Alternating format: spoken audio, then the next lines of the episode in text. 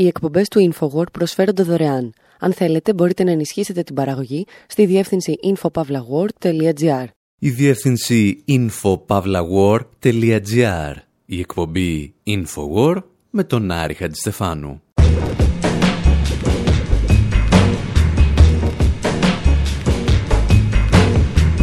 όπου σήμερα ακούμε hip-hop διασκευές του Liszt και αναρωτιόμαστε εάν θα άρεσαν στον Friedrich Engels.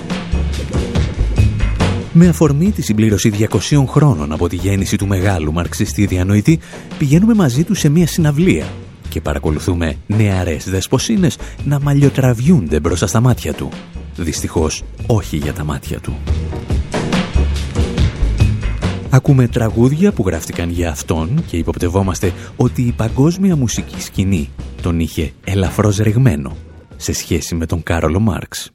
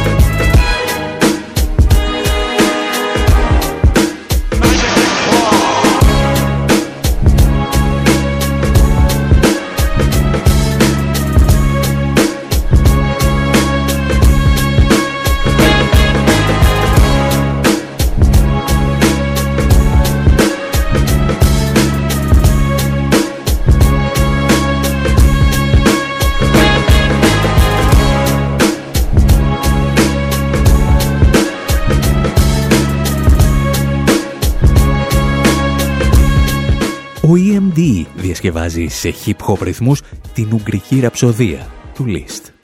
Ένα κομμάτι το οποίο στην εποχή του ακουγόταν κάπως έτσι.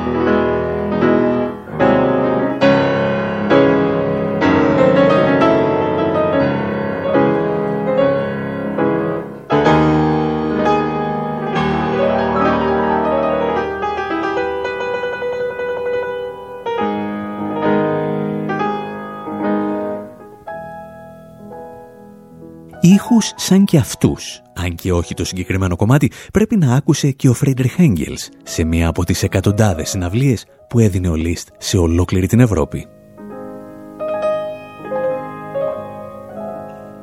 Βρισκόμαστε στο Βερολίνο και το ημερολόγιο γράφει 1842. Εκείνη την εποχή ο Έγγελς ήταν φαντάρος.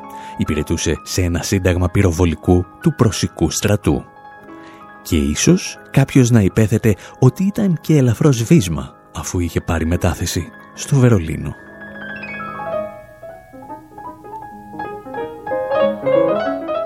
Ως φαντάρος, ο Έγγελς δεν έδινε σημασία μόνο στη μουσική του Λίστ, αλλά και στις ευηδείς νεαρές που βρίσκονταν στο ακροατήριο. Και τότε, μπροστά στα μάτια του, συνέβη κάτι απροσδόκητο. Τα εξηγούσε ο ίδιος σε μια επιστολή που έστειλε στην αδερφή του. Ο κύριος Λίστ ήταν εδώ στο Βερολίνο και σαγίνευσε όλες τι δεσποινίδες παίζοντας πιάνο. Οι γυναίκες στο Βερολίνο ήταν τόσο μαγεμένες ώστε σε ένα από τα κονσέρτα ξέσπασε καυγάς για το ποια θα πάρει ένα γάντι που είχε πετάξει. Οι δύο αδερφές δεν ξαναμίλησαν ποτέ από τότε που χτυπήθηκαν για εκείνο το γάντι. Η δούκησα Μπαχ βρήκε μια κούπα με τσάι που είχε αφήσει ο Λίστ και φύλαξε το περιεχόμενό της ένα μπουκαλάκι για άρωμα αφού πρώτα άδειασε το περιεχόμενό του στο έδαφος. Ήταν σκάνδαλο. Οι γυναίκες έπαιζαν ξύλο γι' αυτόν, αλλά ο Λίστ τη σνόμπαρε και προτιμούσε να πίνει σαμπάνια με φοιτητές. Πρόκειται για πραγματικό άνδρα. Πίνει 20 κούπες καφέ την ημέρα, κάθε μία από τις οποίες περιέχει 50 γραμμάρια καφέ. Και ύστερα κατεβάζει 10 μπουκάλια σαμπάνιας. Μπορούμε με βεβαιότητα να υποθέσουμε ότι ζει σε μια διαρκή κατάσταση μέθης. Τώρα φεύγει για τη Ρωσία και αναρωτιέμαι αν θα τρελαθούν και εκεί οι γυναίκες. Ο Έγγελς είχε μάλλον περίεργη αίσθηση του ανδρισμού, τον οποίο εδώ ορίζει με την κατανάλωση ενός κιλού καφέ και περίπου 10 λίτρων σαμπάνιας ημερησίως. Υποθέτουμε ότι ίσως να υπερβάλλει ελαφρώς για το πόσο αλάνι ήταν ο Λίστ. Δεν υπερβάλλει όμως καθόλου όταν περιγράφει σκηνές με γυναίκες που γρονθοκοπιούνται για να πιάσουν ένα από τα γάντια του συνθέτη.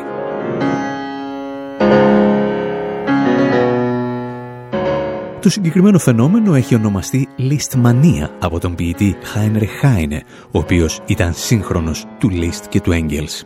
Για αρκετούς επιστήμονες αποτελεί μία από τις σημαντικότερες μορφές μαζικής ιστερικής αντίδρασης, η οποία παρατηρήθηκε έναν αιώνα πριν από την εμφάνιση των Beatles.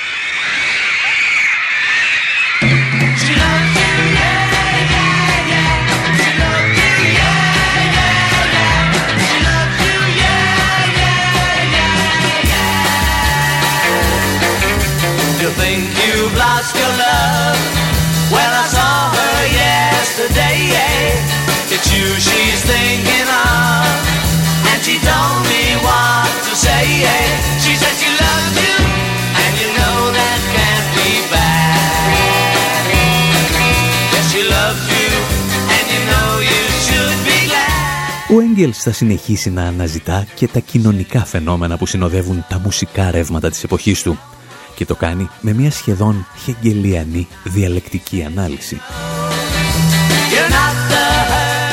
Δεν είναι λοιπόν τυχαίο ότι από πολύ νωρίς θα ερωτευτεί την επαναστατική μουσική του Λούντβιχ Βαν Μπετόβεν.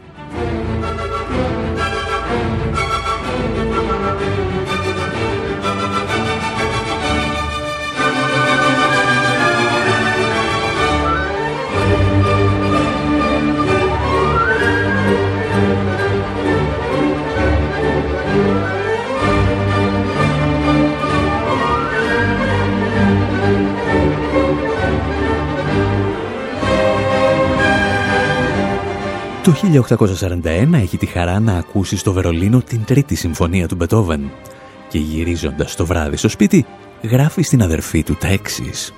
Δεν έχεις ακούσει τίποτα στη ζωή σου αν δεν ακούσεις αυτό το υπέροχο έργο. Τι απεγνωσμένη σύγκρουση στο πρώτο μέρος. Τι ηλεγιακή μελαγχολία στο αντάτζιο. Τι τρομακτική νεανική και χαρμόσυνη γιορτή της ελευθερίας που προκαλούν τα τρομπόνια στο τρίτο και τέταρτο μέρος. Μαγεμένος από την επαναστατική μουσική του Μπετόβεν, ο Έγγελς θα προσπαθήσει να γράψει και ο ίδιος μερικά χοροδιακά κομμάτια. Ευτυχώς για εμάς όμως δεν τον κέρδισε η μουσική. Για την ακρίβεια, το ταξίδι του στη μουσική είναι μια μικρή αποτυχία. Κάτι σαν να βάζεις έναν δημοσιογράφο να γράψει ποίηση ή να έχεις για Υπουργό Υγείας εν μέσω πανδημίας ένα μπασκετμπολίστα. Γι' αυτό και εμείς σκεφτήκαμε για το υπόλοιπο του αφιερώματός μας στη μουσική και τον Έγγελς να ακούσουμε τραγούδια που έγραψαν άλλοι για αυτόν. Και ξεκινάμε με τους Δεκού.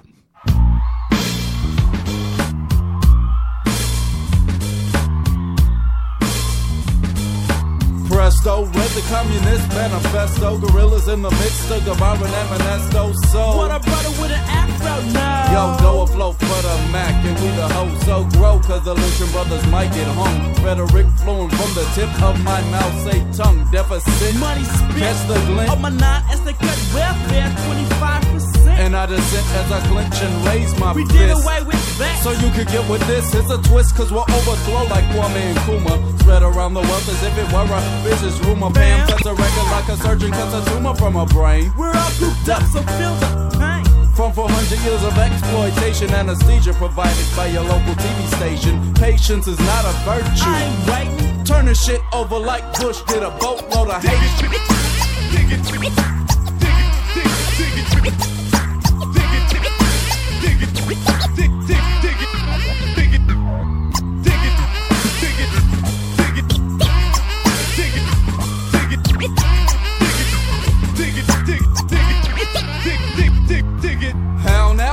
Downtown, down with the Mau Mau clown downtown in a dog pound like H-Rap Brown with the situation. Get no calluses, huh? Cause we're spitting dialectical analysis. So how is this? We never had no funk until you found out that our trunks are revolutionary, huh? Chump, bump you over like dominoes, rat. So free Geronimo, you jack a prat. Lyrics, hear it, lyric, can't get near it. Got a sample, didn't clear it. Point blank says, fuck 5 that's the spirit.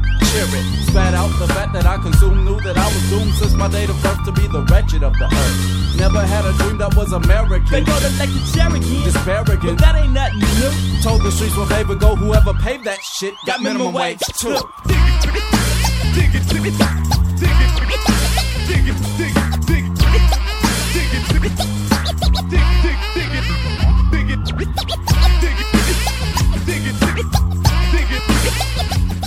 Παραδόξως, οι περισσότερες μουσικές αναφορές που συναντάμε τα τελευταία χρόνια στο έργο του Καρόλου Μάρξ και του Φρέντερ Χέγγελς προέρχονται από τη hip-hop σκηνή. Και ελάχιστοι ράπερ δηλώνουν τόσο ανοιχτά μαρξιστές όσο ο Butch Riley και το συγκρότημα The Coup. Όπως έχουμε ξαναπεί, θα χρειαζόμασταν μια ολόκληρη εκπομπή για να παρουσιάσουμε όλες τις αναφορές που έχει το συγκεκριμένο τραγούδι σε επαναστατικά κινήματα των τελευταίων αιώνων. Μας αρκεί όμως ότι ξεκινά με μια αναφορά στο κομμουνιστικό μανιφέστο. Ο Μπούτς Ρίλεϊ τραγουδά για έννοιες όπως η πάλι των τάξεων και η εφεδερική στρατή ανέργων, τους οποίους χρειάζεται, λέει, το κυρίαρχο οικονομικό σύστημα. Λίγο παλαιότερα το συγκρότημα Bell Sebastian ανακάτευε μια ερωτική ιστορία με αποσπάσματα από το κομμουνιστικό μανιφέστο και ο τίτλος του τραγουδιού Marx and Engels.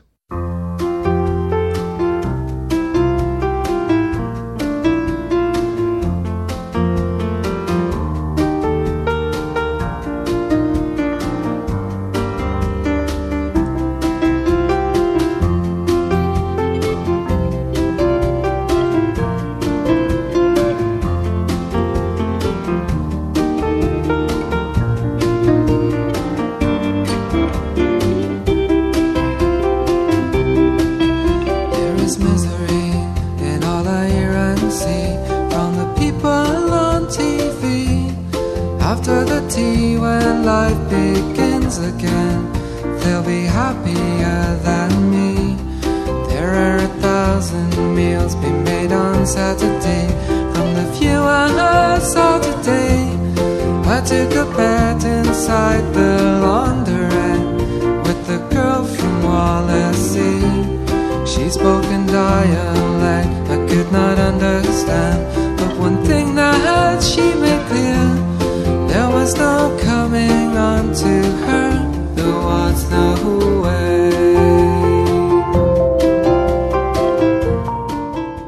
Σεμπάστιαν χρησιμοποιούν ολόκληρα αποσπάσματα από το Κομμουνιστικό Μανιφέστο για τον επαναστατικό ρόλο της μπουρζουαζίας και για ένα φάντασμα που πλανιέται, λέει, κάπου στην Ευρώπη. Και αν έχουμε καταλάβει καλά, το κάνουν για να ρίξουν μια κοπελιά, η οποία είχε μπλέξει στα δίχτυα του διαλεκτικού ηλισμού, το οποίο δεν είναι αναγκαστικά κακό, γιατί όλοι κάπως πρέπει να ξεκινήσουμε. Παρόμοια προβλήματα φαίνεται να αντιμετώπιζαν και οι Sisters of Mercy. Τους ακούμε και επανερχόμαστε.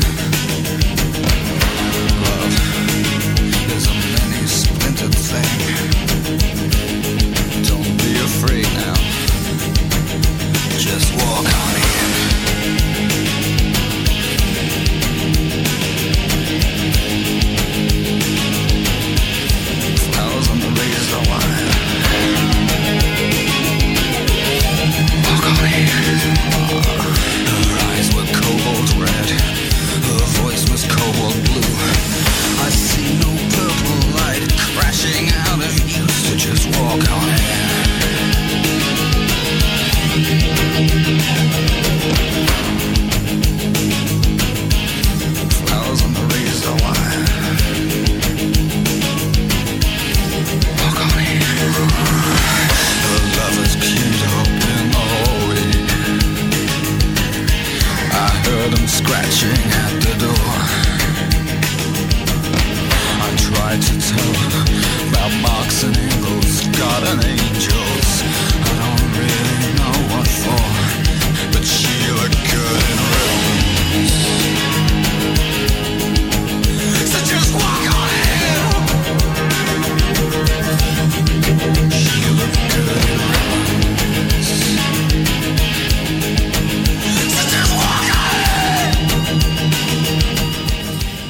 οπαδοί των Sisters of Mercy διαφωνούν ακόμη και σήμερα για το αν το συγκεκριμένο τραγούδι αναφέρεται στον κομμουνισμό ή στο αντιπολεμικό κίνημα ή απλώς σε μια κοπέλα την οποία πολιορκούσαν δεκάδες άντρες. Εμάς μας άρεσε απλώς γιατί ο τραγουδιστής για να κερδίσει αυτή την κοπέλα της λέει ιστορίες για τον Μάρξ και τον Έγγελς. Είναι δηλαδή μια παραλλαγή σε αυτό που έλεγαν οι Χατζηφραγκέτα. Και το κεφάλαιο του Μάρξ που πήρα στη γιορτή σου, αν του είχες ρίξει μια ματιά, θα ήμουνα μαζί σου. Εμείς πάλι συνεχίζουμε ακάθεκτοι στο επόμενο τραγούδι για τον Μάρξ και τον Έγγελς με τους Κλάς να τραγουδούν The Magnificent Seven.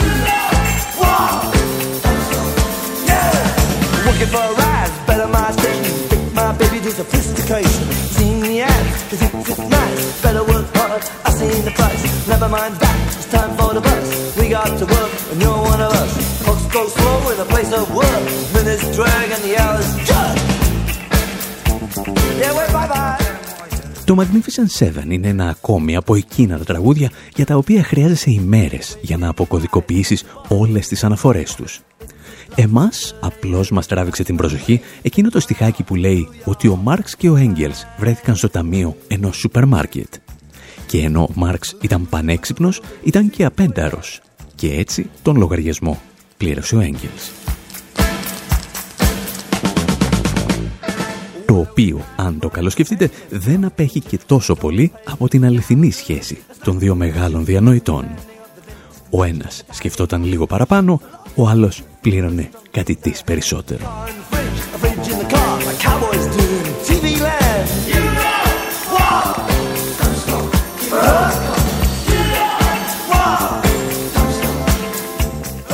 Αρκετά πιο πολιτικό στη σκέψη του πάντως, για μια φορά στη ζωή του, εμφανίζεται ο Sting, σε ένα musical που έγραψε για τα ναυπηγεία στα οποία εργαζόταν ο πατέρας του. Πάρτε μια μικρή δόση και επανερχόμαστε.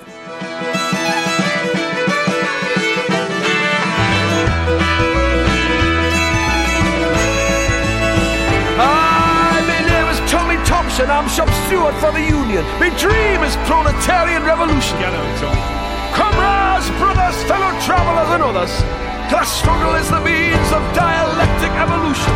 Das Capital's Bible, and the ruling class are liable. And quoting Marx and Engels, it's entirely justifiable. If the workers' revolution here is ever to be viable, and we become the rightful owners of the shipyard. So it's a one-day stoppage, or an overtake ban, or a work to roll for the five-year plan. Till the means of production are safely in our hands, and we become the rightful owners of the shipyard. I'm not saying it won't be hard if the boss answers me cards when they try to close us down like other shipyards. And if industrial action only helps the competition, as I've heard the bosses bleating from my usual position, and I stand accused of anarchy, disruption, and sedition. Well, you'll never knock us down, you reactionary clowns, Well, it's time for occupation of the shipyard. My name is Peggy White, and I've nursed you through your injuries and your cuts and wounds. I've bound busted arms and busted heads, broken backs and broken legs. I'd sooner put you in a splint than have them put you in the ground. And the fumes from all the welding where the poison air is hung, and the toxic radiation that's been blackening your tongue. I could give you all an aspirin while you're coughing up your lungs. Ο Στιν τραγουδάει για ένα ναυπηγείο στο οποίο κατασκευάζονται πλοία για τη Βασίλισσα και για τον Ωνάση. Τραγουδά όμως από την πλευρά των ναυτεργατών. Το όνειρό μου, λέει ένας από αυτούς, είναι η προλεταριακή επανάσταση. Και ξέρω ότι η ταξική πάλι είναι το μόνο μέσο της διαλεκτικής εξέλιξης. Οι στίχοι μοιάζουν προφανώς βγαλμένοι από το βιβλίο Anti-Deering του Engels. Αν δεν το έχετε διαβάσει, είναι μια συναρπαστική κριτική στις θέσεις του Ευγένιου Ντίρινγκ, ο οποίος ήθελε να παρουσιάσει ένα διαφορετικό μοντέλο για τον σοσιαλισμό. Και επειδή ο Μάρξ ήταν τότε απασχολημένος με τη συγγραφή του κεφαλαίου, φέρεται να είπε στον Έγγελς «Απάντησε σε παρακαλώ στο παιδί, γιατί έχουμε και δουλειές».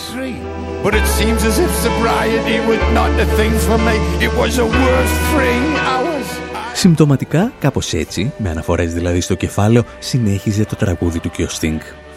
Το κεφάλαιο, λέει, είναι η βίβλος μας και ξέρουμε όλες τις ατάκες του Μάρξ και του Έγγελς.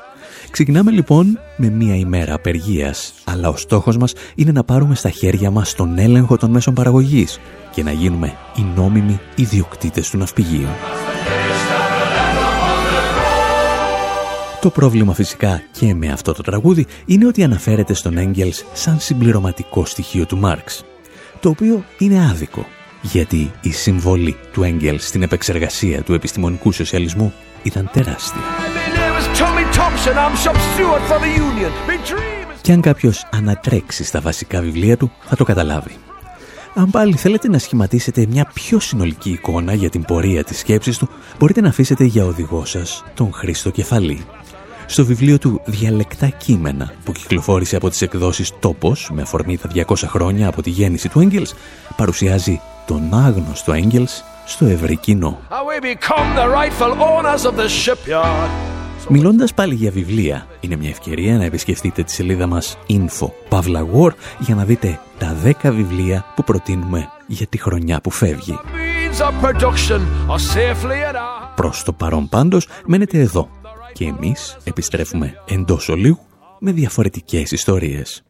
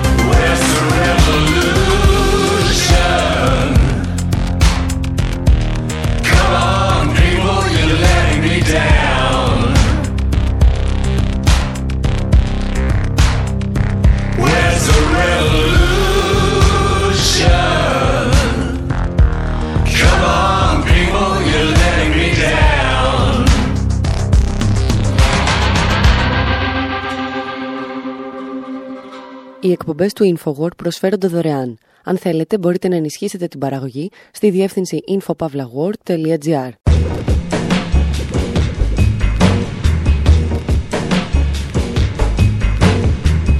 όπου σήμερα στοιχηματίζουμε ότι αν μας πείτε τι τρώτε, μπορούμε να σας πούμε με σχετική βεβαιότητα, το λόμπι ποιας εταιρείας σας έπεισε ότι αυτό θέλετε να τρώτε.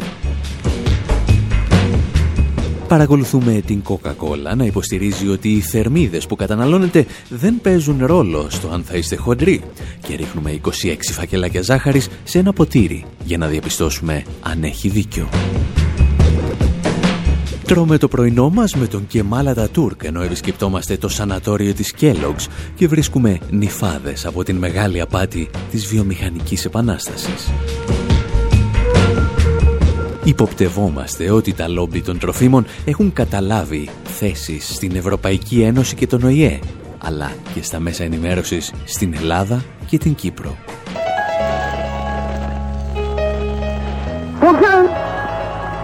Cumhuriyetimizin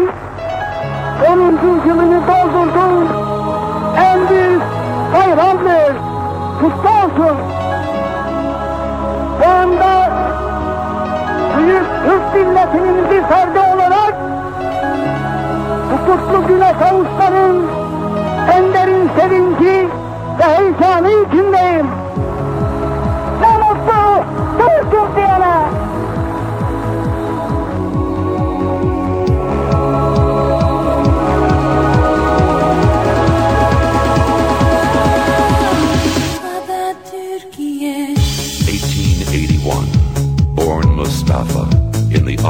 Port city of Salonika.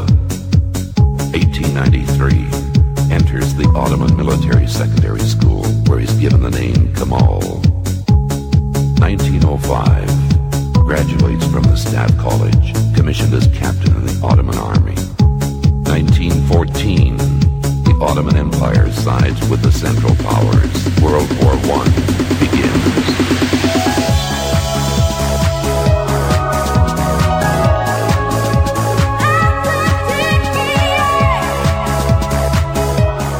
Ένα από τα πολλά πιτάκια που κυκλοφορούν στο τουρκόφωνο διαδίκτυο με αναφορές στη ζωή του Κεμάλα τα Τούρκ. Και σχεδόν όλα τα πιτάκια έχουν τα καλύτερα λόγια να πούν για τον λεγόμενο πατέρα των Τούρκων. 1918, World War Ένα όμως από τα επιτεύγματα του Ατατούρκ το οποίο κανείς δεν φαίνεται να εξυμνεί είναι ότι έπεισε ολόκληρη την Τουρκία να πίνει τσάι.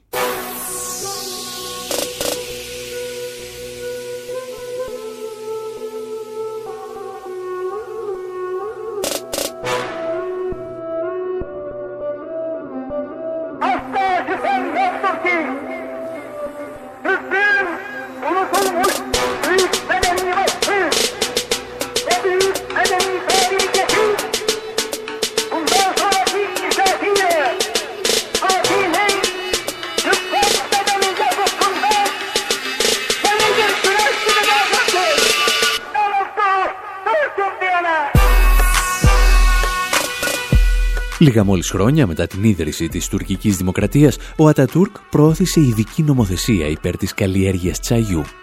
Ένα ρόφημα το οποίο ήταν από άγνωστο έως αδιάφορο μέχρι τότε στην Τουρκία, γιατί όλοι έπιναν καφέ.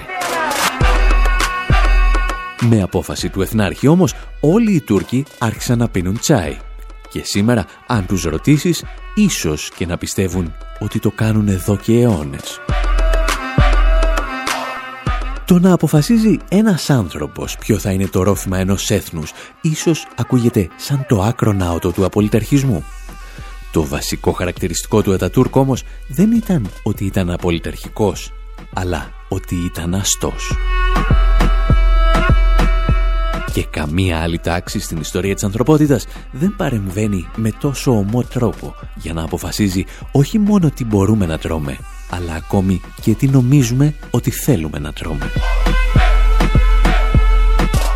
Και πριν δούμε με ποιους τρόπους γίνεται αυτό στις ημέρες μας, θα χρειαστεί να θυμηθούμε μία από τις μεγαλύτερες επιχειρήσεις λόμπινγκ στην ιστορία του καπιταλισμού. Την προσπάθεια της βιομηχανίας τροφίμων να μας πείσει ότι δεν υπάρχει τίποτα πιο υγιεινό από ένα καλό πρωινό. Και επειδή είμαστε ανάποδοι άνθρωποι, θα ξεκινήσουμε με ένα τραγούδι του Otis Redding για το πρωινό. Αυτό που λέει Cigarettes and Coffee, γνωστό σε ορισμένους ως το ελληνικό πρωινό.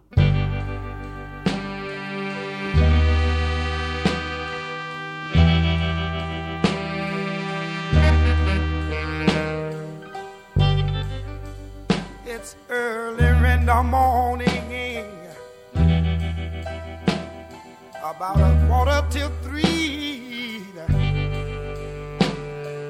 I'm sitting here talking with my baby over cigarettes and coffee. And to tell you that, dog, I've been so satisfied. Honey, since I've met you baby, since I met you.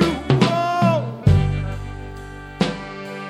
oh places that I've been around, and all the good-looking girls I've met, they just don't seem to fit in. No, in this particular set,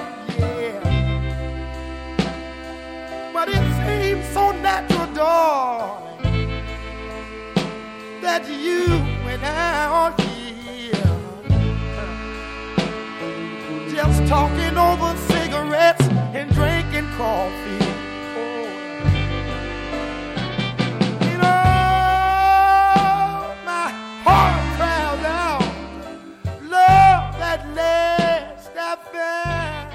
Ο Ότις Ρέντινγκ τραγουδά για τη μαγεία ενός πρωινού στο οποίο κάθεται με την κοπέλα του και απολαμβάνουν καφέ και τσιγάρα. Και μπορούμε να υποθέσουμε με σχετική βεβαιότητα ότι αν παρουσίαζε σήμερα το τραγούδι, κάποιος υγιεινιστής θα τον μαχαίρωνε, θα του ξερίζωνε την καρδιά και θα την έτρωγε με κότζι πέρι. Και όλα αυτά θα συνέβαιναν γιατί εδώ και δεκαετίες όλοι μας καλούμαστε να πιστεύουμε ότι ένα υγιεινό πρωινό είναι το σημαντικότερο γεύμα της ημέρας. Αυτό μάλιστα που σου δίνει τη δύναμη να συνεχίσεις και το οποίο όχι μόνο δεν παχαίνει, αλλά σε βοηθά, λέει, να κρατήσεις και τη σιλουέτα σου. Όπως εξηγούσε όμως η Άμπιγκεϊλ Κάρολ στο βιβλίο της «Η ανακάλυψη του Αμερικανικού γεύματος», αυτή μας η πεποίθηση είναι το αποτέλεσμα μιας εκστρατείας προώθησης συγκεκριμένων προϊόντων στην αγορά από μεγάλα λόμπι.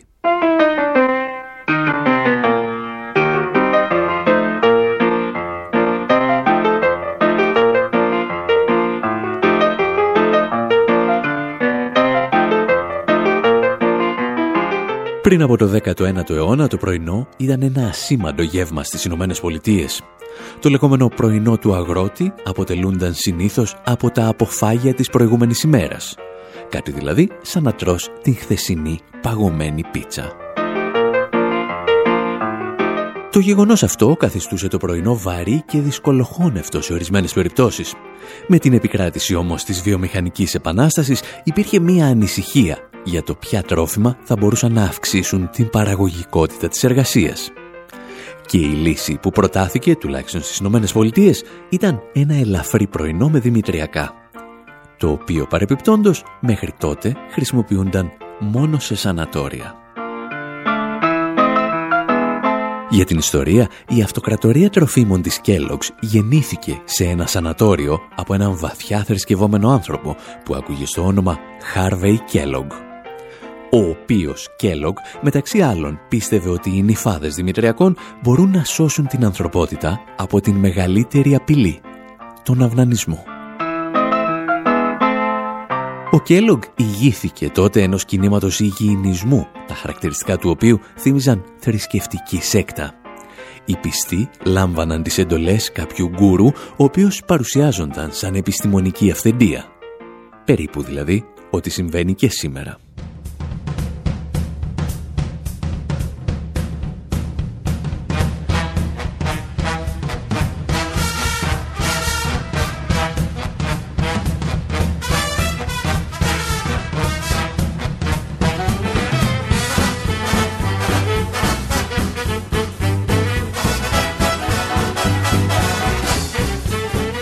Από τη δεκαετία του 1940 το πρωινό με δημητριακά είχε γίνει πλέον συνώνυμο της πιο υγιεινής διατροφής. Και έτσι δικαιολογούνταν και η ταχύτητα στην προετοιμασία του. Καθώς οι γυναίκες εισέρχονταν σταδιακά στην αγορά εργασίας, ο χρόνος που διέθεταν για την προετοιμασία του πρωινού, του συζύγου και των παιδιών ελαχιστοποιούνταν.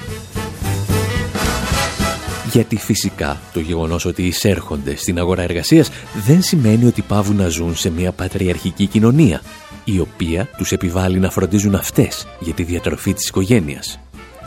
Είναι από εκείνες τις περιπτώσεις όπου η κοινωνική υπερδομή κινείται με καθυστέρηση σε σχέση με τις αλλαγές στην οικονομική υποδομή του συστήματος.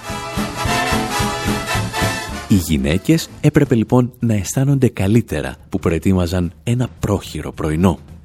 Και όπως εξηγούσαν τα διαφημιστικά μηνύματα της Kellogg στη δεκαετία του 50, αν ένας άντρας δεν αποδίδει στη δουλειά, ευθύνεται μόνο η γυναίκα του, η οποία δεν του είχε ετοιμάσει το σωστό πρωινό με δημητριακά.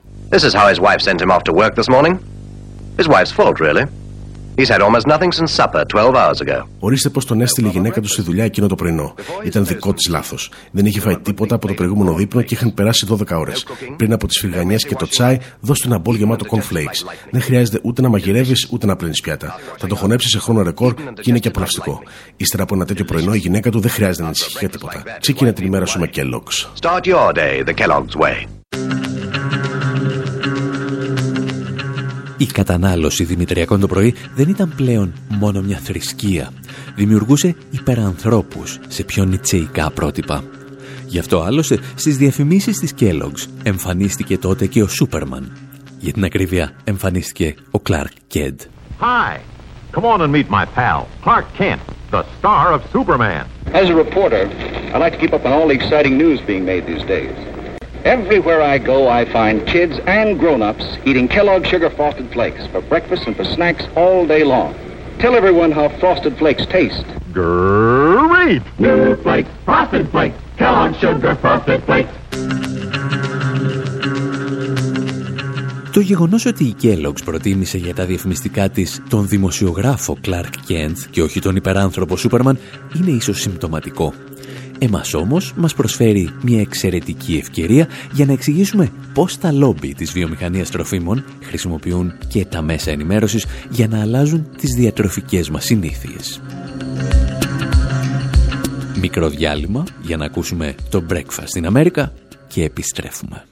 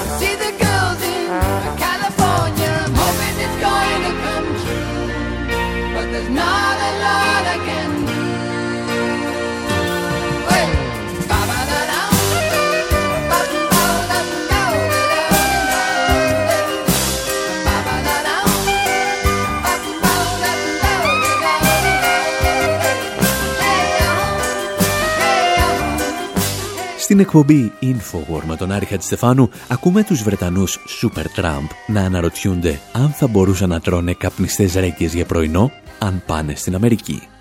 Και η απάντηση είναι φυσικά όχι, γιατί το λόμπι της καπνιστής ρέγκας, σε αντίθεση με το λόμπι των Δημητριακών και του Μπέικον, δεν είναι τόσο ισχυρά για να επιβάλλουν στην Αμερικανική κοινωνία τέτοιες μορφές διατροφής. Και εδώ ξεκινάει η ιστορία μας για το ρόλο των σύγχρονων λόμπι. Στις αρχές Ιουνίου, μια ομάδα ερευνητών από πανεπιστήμια της Οξφόρδης και του Μιλάνου ήρθε να μας επιβεβαιώσει με στοιχεία κάτι που γνωρίζαμε εμπειρικά από τη δεκαετία του 80 ότι ορισμένες από τις μεγαλύτερες βιομηχανίες τροφίμων και χημικών του πλανήτη, όπως η Coca-Cola, η Nestlé, η BASF και τα McDonald's, έχουν δημιουργήσει ένα λόμπι με στόχο να επηρεάζουν τις αποφάσεις καταναλωτών και διεθνών οργανισμών.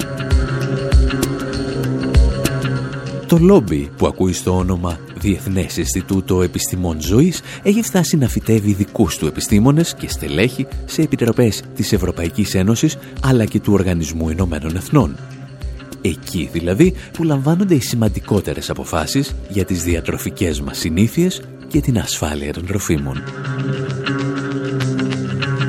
Το λεγόμενο Ήλση δημιουργήθηκε στα τέλη της δεκαετίας του 70 και σύμφωνα με τον ιστορικό Μπαρτ Έλμορ, μία από τις πρώτες του λειτουργίες ήταν να πείσει τη διεθνή κοινή γνώμη αλλά και τους νομοθέτες σε όλο τον κόσμο ότι η καφεΐνη κάνει καλό.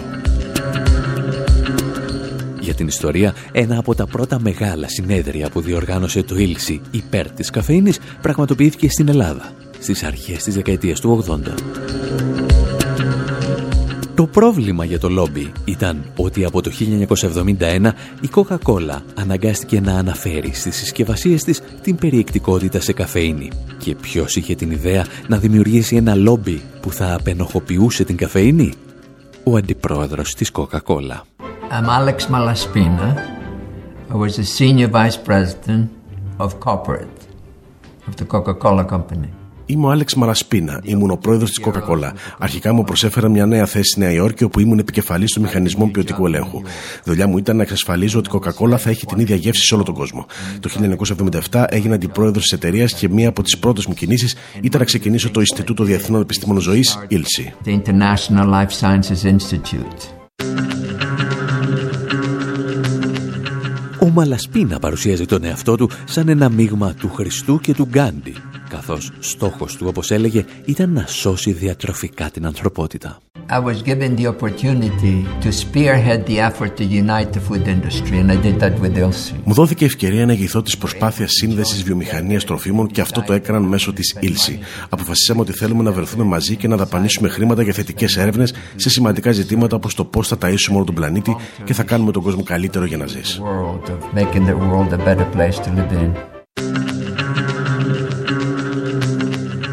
Το πώς ακριβώς θα γινόταν ο κόσμος καλύτερος το μάθαμε αρκετές φορές τις τελευταίες δεκαετίες. Το πιο κραυγαλαίο παράδειγμα όμως ήταν η προσπάθεια του λόμπι της Coca-Cola να πείσει τους παχύσαρκους πολίτες των Ηνωμένων Πολιτειών ότι δεν φταίει το γεγονός ότι τρώνε ό,τι τρώνε. Το μόνο τους πρόβλημα, εξηγούσε το λόμπι, ήταν ότι δεν γυμνάζονται. Επιχείρημα τόσο σαθρό που εξόργησε ακόμη και τους δημοσιογράφους του Fox News. Sugary drinks like Coca Cola are not to blame for America's obesity problem.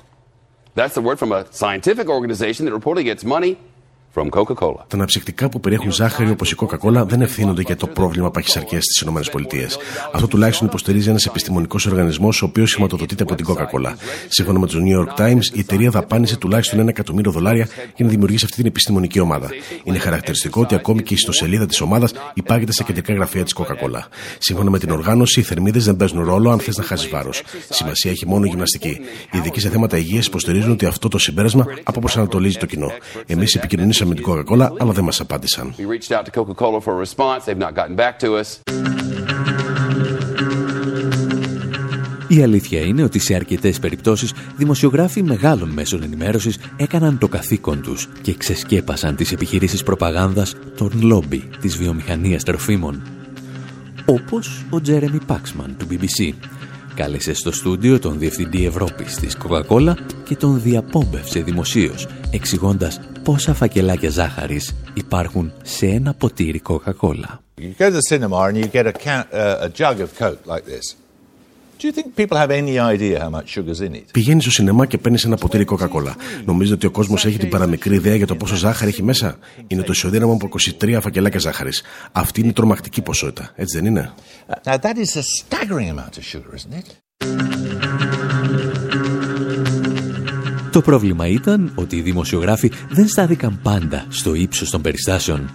Και έτσι τα μηνύματα που προωθούσε το λόμπι Ήλση για τις διατροφικές μας ανάγκες καταπίνονταν αμάσιτα. Στην Ελλάδα, παραδείγματος χάρη, πριν από δύο χρόνια, διαβάζαμε σε δεκάδες ιστοσελίδες ότι τέσσερα φλιτζάνια καφέ την ημέρα δεν βλάπτουν καθόλου την υγεία μας.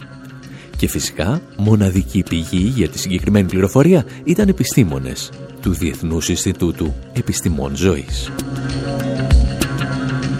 Λίγο αργότερα αρχίσαμε να μαθαίνουμε και για τις ευεργετικές ιδιότητες των λεγόμενων ολιγοθερμικών γλυκαντικών. Συστατικά τα οποία εντελώς συμπτωματικά άρχισαν να χρησιμοποιούν στα προϊόντα τους ορισμένοι από τους βασικούς χρηματοδότες του λόμπι Ήλση.